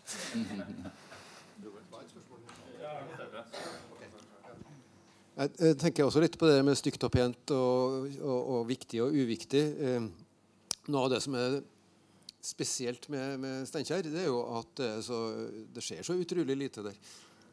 På et vis. altså, for, 60 år, for, 50 år siden, da det ble eh, storkommune, så var det 20 000 innbyggere. Og nå, 50 år etter, så er det litt over 20 000 innbyggere. Så vi har verken hatt denne eh, press, utbyggingspresset og Derfor er det nesten ingenting som er revet heller. Og vi har ikke hatt den fraflyttinga, så det er ingenting som står og forfeller. Alt Det er liksom på et vis på stell. Men så får vi da plutselig noen saker. altså.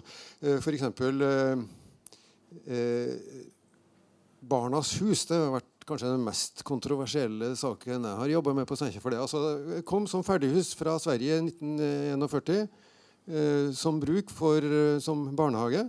Steinkjers første barnehage. Tusenvis av unger som har, som har gått der. Og uh, nå er den ikke egnet, eller I 2016 så var ikke den egna som barnehage lenger. skal flyttes ut. Og det er et ønske og et veldig sånn eh, eh, legitimt behov, altså for det er veldig flott tomt du får der hvis du river det huset. Og der skal da kommunen bygge Hva er det kommunen som er den skurken i fortellinga?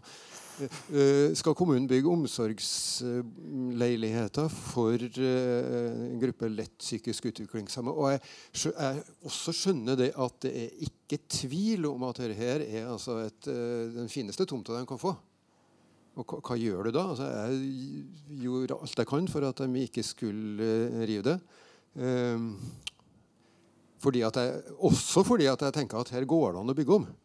Det vil bli noe dyrere for kommunen, og du vil gå litt inn i en park og sånne ting. Men, men det at dette er altså en historie om, historie om barnehagen eh, som institusjon.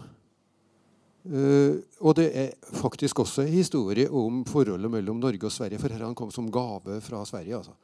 Gave fra svenske Røde Korsen. Og en per Egil Hegge hadde 17. mai-tallet på torget på Steinkjer i 2007, da vi feira 150-årsjubileum, eh, og trakk fram akkurat det der. Altså. Det er I 1905 så holdt det på å bli krig mellom Norge og Sverige. I 1940 så samla altså svenska folket inn en kjempegave til Norge. Og forsvinner Barnas hus, så forsvinner en, igjen en liten bit av den historia. Men huset er jo ikke noe særlig å se på. Da har vi et uh, spørsmål fra salen her.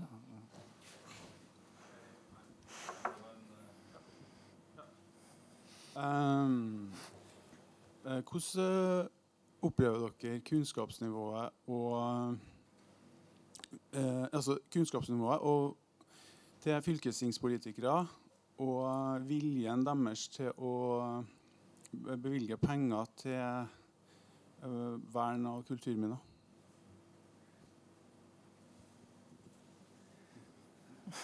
Ja, Noen som føler seg kallet her? Daniel? Ja. Kunnskapsnivået omkring kulturminner blant politikere er generelt lavt i alle ledd av uh, det politiske systemet. Jeg tror vi kanskje vi kan gå så langt som å si det har aldri vært så lavt som det er akkurat nå. Men uh, det er viktig å ikke stemple folk som dum fordi de ikke kan. Uh, viljen og interessen er jo, er jo der. Men vi har en formidabel jobb å gjøre hvis vi skal klare å hvis vi skal klare å på den ene sida eh, ta vare på den nødvendige tidsdybden i det norske landskapet, samtidig som utskiftninga skjer så raskt som den gjør nå. Vi har aldri hatt bedre råd til å pusse opp, aldri hatt bedre råd til å rive og bygge nytt. Og vi gjør det i et tempo som er bare helt ko-ko.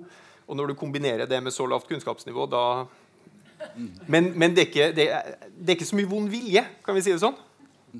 Ja. Så var det et spørsmål. Det var min mening, da. Ja, det er Bjørn Røe, arkitekt. Eh, angående det med stygt pent først, eh, Takk for veldig fint eh, foredrag, Stein Arne og Dan. Og eh, spennende tema. Eh, og det er klart det er mange dilemmaer her når det gjelder stygt pent. Hvis vi bruker Trondheim som eksempel, så altså, mye av det som har vært nevnt, er Herman Krags bygninger. Og Herman Krag han har jo satt mange spor i Trondheim. Studentbyen, Kunstindustrimuseet og, det ene med det andre. Men det mest merkverdige kanskje som han har laget, det var bunnpris. Og bunnpris vis-à-vis -vis Stiftsgården, det, det, var jo egentlig en tragedie å se på. Altså i forhold til at en så dyktig arkitekt klarte å lage noe som var så dårlig tilpasset situasjonen som bunnpris, vil mange av oss si i hvert fall. Det var jo helt merkverdig. Men det man har prøvd å gjøre nå, det er vel å slags uh, å pynte den opp til den moderne standard med glass. Eh, eh, og så lenge bygningen står der, så kan man jo kanskje få noen til å fortelle den historien om hvordan selv den gode arkitekten Krag var fanget i et tidsbilde hvor man faktisk ikke så på det historiske som det det var. Som no, no, no, en kronjuvel, kongens bolig eh, vis-à-vis. Eh, mens Siemens er det veldig lett å si at det skal stå. Det er et vakkert bygg. Det er tidstypisk. Det er alt. Eh, den eh, bølgetagen er ikke så lett å si at det er pent, men det, det, det var en, også en sånn tidstypisk eh, konstruksjonssak. Eh, mens bunnpris, der blir man stilt overfor dette her stygt pent-fenomenet. Eh, altså Uansett hvem som er bak og skaper det, og eh, hvor dyktig den arkitekten var. Eh, og Jeg har ikke noe svar på det, men skulle man lese historien, så skulle det bli stående sånn som det var. Og så kan man fortelle den historien om eh, hvordan arkitektene håndterte omgivelsene på et visst tall, uansett hvor, eh, hvor gode de var.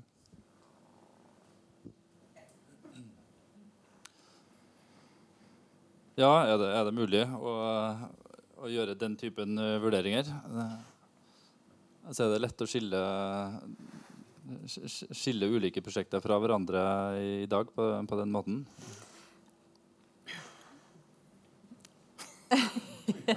Robert? Nei, jeg kan bare si noe veldig ja. kort. Uh, uh, jeg, hadde, jeg, har studert kunsthistorie, og, og, og min, han som var professor i arkitekturhistorie, han sa stygt og pent er begreper som for lenge siden har gått ut av mitt vokabular. Så han var veldig bevisst på akkurat det.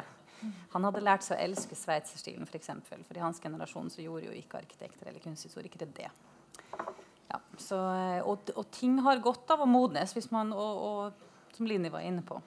At når noen, noen ting eldes med verdighet. Mm. Det ser du etter at det har gått en, gått en stund. Ja, skal ikke gå inn på kragbygget. Det var en fin kommentar. Vil du si noe, Daniel? Ja, altså det går an å si at uh, selv om man ikke vil diskutere stygt og pent, så kan man si at noe er tankeløst. Og, og akkurat uh, Det som er så pussig med Herman Krag jo, jo, altså Han levde jo i en tid hvor, man, uh, hvor det var lettere å, å gi faen ut ifra en sånn Fremskrittet skulle, skulle berge verden og alt det gamle vi med jorden i evne. Men når det er sagt, så er det jo den samme mannen, det er jo der du klør deg i hodet. ikke sant? Det er den samme mannen som tegner Kunstindustrimuseet, som snakker så godt med Harstøvsbygningen på andre sida fra 1700-tallet. Det er den samme mannen som tegner ombygginga av St. Jørgens hus rett bak der, som, som er, et, er tilpasningsarkitektur par excellence og som da gjør sånn til bybildet rundt seg i Munkegata. ikke sant? Uh, hvor det en, en, altså Du kan forsvare at ja, dette er en rendyrka modernistisk det var en rendyrka modernistisk bygning, for den hadde helhetlig vindusbånd. Utover det så har den én funksjon, og det å skape mest mulig volum. Nå har de jo sarva det. Altså Det som var noe med bygget, som var Herman Krag sitt preg, det har de jo fjerna å lage en fasade sånn som ifølge dem sjøl skal være mer Herman Krag enn Herman Krag. Det var det som jeg fikk fortalt da jeg spurte hva hensikten med, med ombygginga er. Så nå har man jo på et vis fjerna det som var eh, stilkarakteristisk med bygget. Og det du sitter igjen med da, det er et gigantisk arrogant volum midt i fleisen på Stiftsgården. Eh, så nå er det jo mer sånn Det den har igjen av relevans, er jo kanskje arealet da, for dem som eier det. Utover det så må det gjerne sprenges i lufta. For min del, i hvert fall. Det var et spørsmål til her.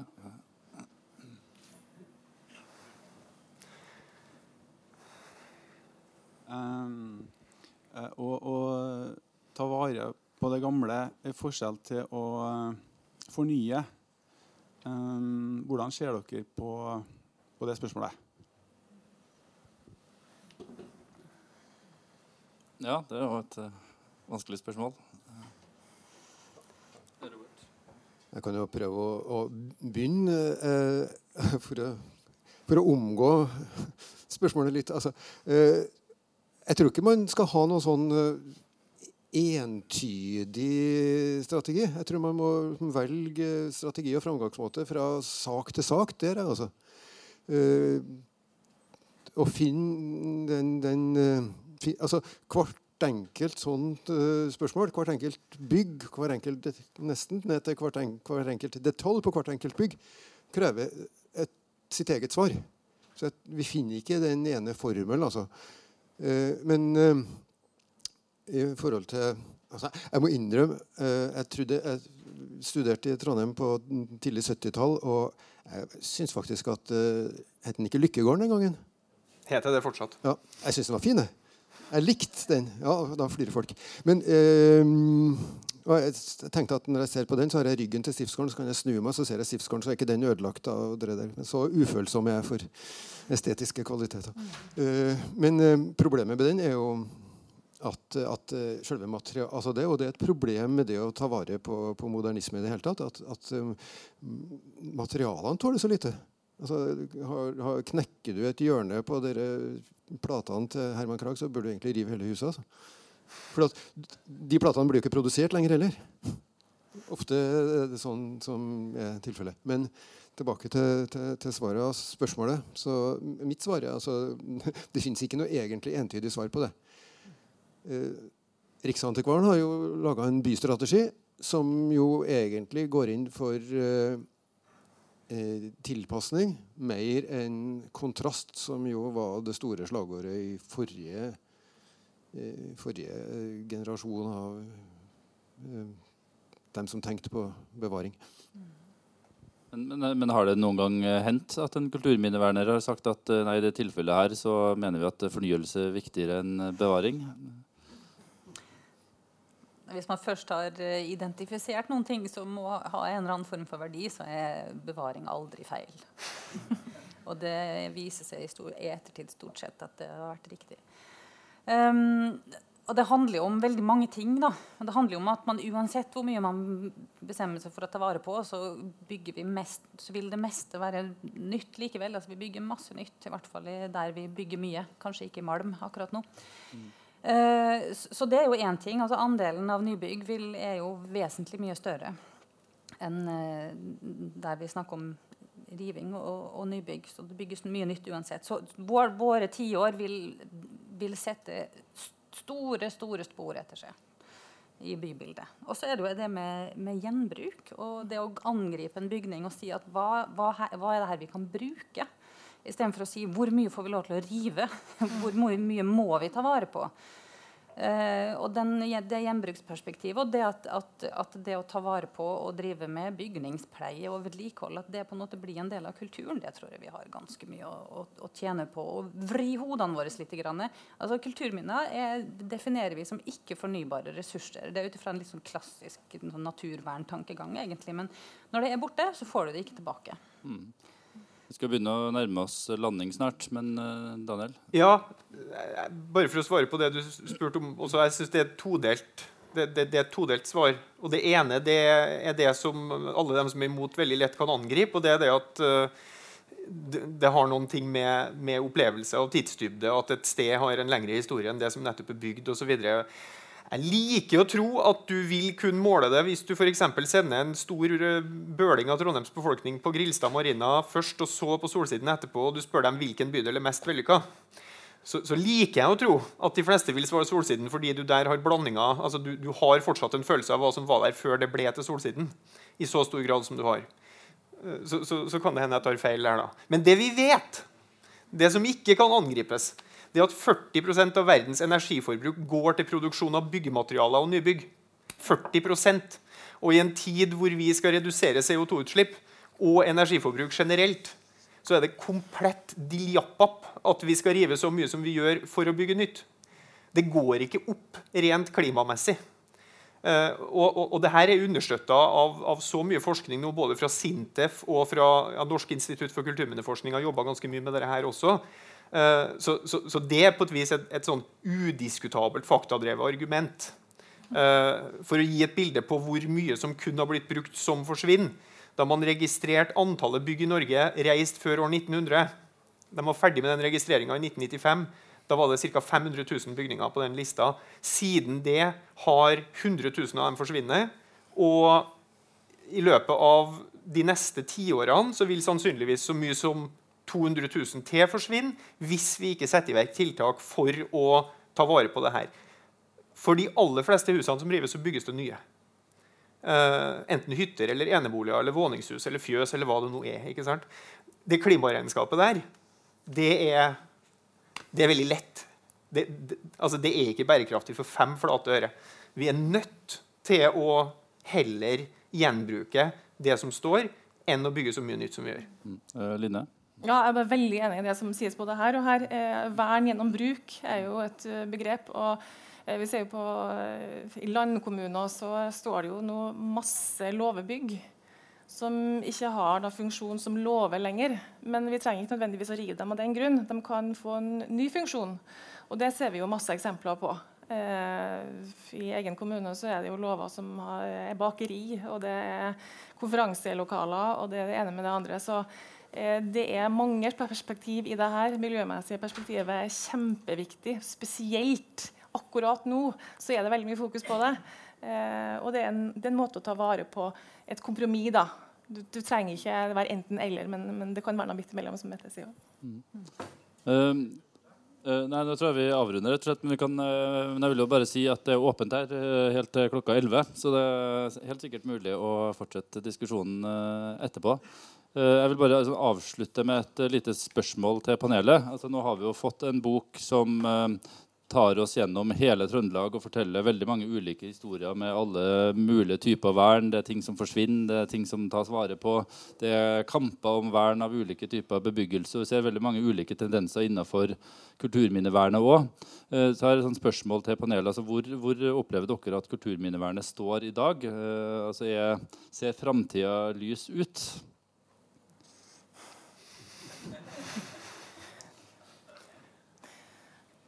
Jeg kan jo begynne med å gjenta de tallene jeg sa i sted. Ja. altså, Det er jo egentlig fasiten. Svaret er nei. Der hvor det er marked for det Altså, der hvor, hvor, altså hvis, du, hvis, du, bruker en masse penger på å konvertere eller transformere en brygge i Kjøpmannsgata, så er du mer eller mindre garantert å få inntekt på den etterpå. Sånn er det ikke hvis du kjører 1,5 mil ut av byen. Mm. Ja, nei, altså det, det, vi lever jo i et samfunn som dyrker mammon altså eh, materiell rikdom. Og det tror jeg alle som jobber med alle former for samfunnsvitenskapelige og humanistiske fag, vet at vi må kjempe veldig hver dag for å få forståelse for at det fins andre verdier enn de økonomiske. Um, og vi snakker, at, vi snakker, veldig mye om fremskritt og vekst. Og da er det på en måte innforstått med at vekst det handler om økonomisk vekst. Eh, jeg er jo så naiv at jeg tenker at vekst kan like godt handle om, eh, om, menneskets utvikling av kunnskap og klokhet i hvordan vi bruker denne kunnskapen. Det er min, eh, mitt syn på vekst. Men det er det vanskelig å få gjennomslag for. Så det, det, er rett og slett en kamp vi må jobbe med hele tida. Mm. Og kulturminner skaper jo er jo, er jo, her for at vi skal reflektere, for at vi skal forstå vår egen historie, vår egen samtid, vår eget samfunn. Det er derfor vi har dem. Robert? Jeg vet ikke, jeg har ikke noe lyst til å gi noe sånn veldig klart svar på det, det spørsmålet. Jeg syns jeg ser det, forskjellige tendenser. Altså, på den ene sida så, så, er min erfaring med det jeg har holdt på med at uh, liksom, interesser for det, oppmerksomheten omkring det, blir større og større. Og folk blir sånn sett mer og mer positivt innstilt til det. Eh, samtidig som jo selvfølgelig eh, du har de her veldig sterke motkreftene som, som, som Daniel snakka om, da, som, som eh, ser etter én ting, og det er profitt i det. Og det er sterkt, altså.